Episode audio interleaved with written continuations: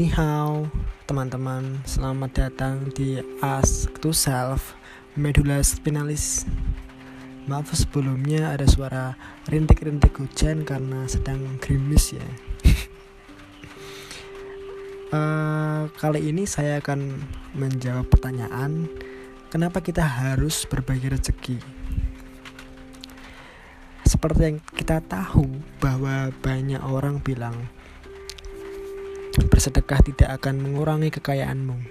Entah itu benar atau tidak tergantung kepercayaan kita mengenai itu. Tidak ada kewajiban untuk membagi kekayaan sekalipun itu sedikit. Kebanyakan orang menyarankan untuk melakukan sedekah karena itu termasuk sebuah kebaikan.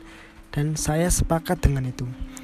Dalam kasus tertentu ada oknum yang memanfaatkan momentum sedekah ini untuk mencari keuntungan sendiri atau kelompok.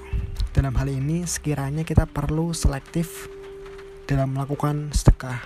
Kendati jika itu terjadi, setidaknya kita sudah ikhlas berniat untuk membantu. Menurut saya kita kita tidak harus terlalu memaksa untuk melakukan sedekah.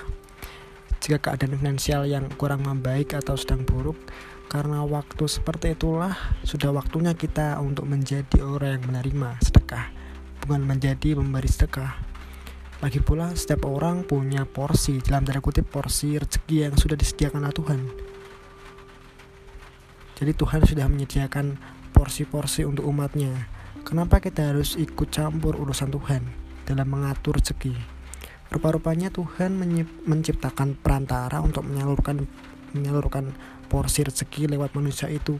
Berarti kekayaan kita hanya milik Tuhan yang disimpan sementara untuk sewaktu-waktu bisa dibagi, dibagikan ke orang yang memiliki jatah kepemilikan hak untuk mendapatkan rezeki.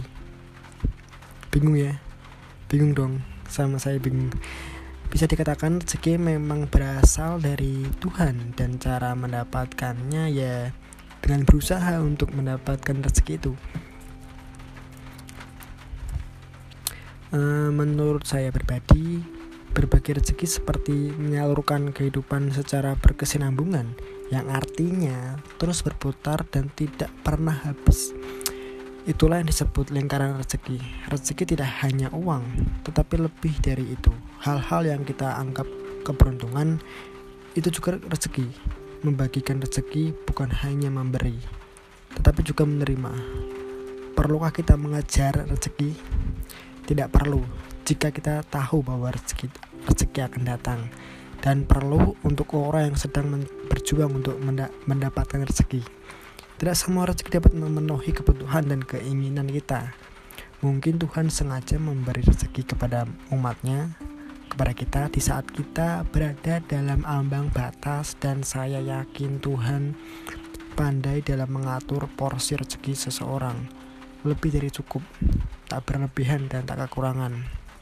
Sincerely, Rahmat Divani, Fiat Sampendia Parveleta. Terima kasih.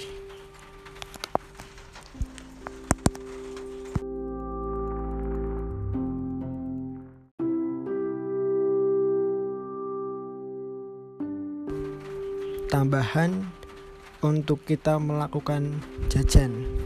Maksud saya rezeki ketika kita bisa memberikan sesuatu kepada orang lain entah itu dengan tujuan apa pun itu dan kita jajan ke seseorang pedagang berarti kita memberikan rezeki kepada mereka. Dan dipikir-pikir juga kita membantu usaha mereka untuk memajukan ekonominya. Kita bisa katakan kita bisa dikatakan membantu pelaku UMKM dengan membeli produk-produk atau dagangan orang-orang yang di pinggir jalan di toko-toko kecil.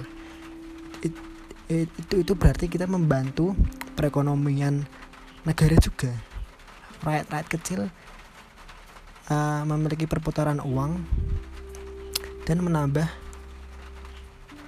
apa ya menambah semacam ya intinya adalah perekonomian negara atau istilahnya apa GDP negara GDP dari negara Indonesia akan meningkat lebih baik daripada sebelumnya.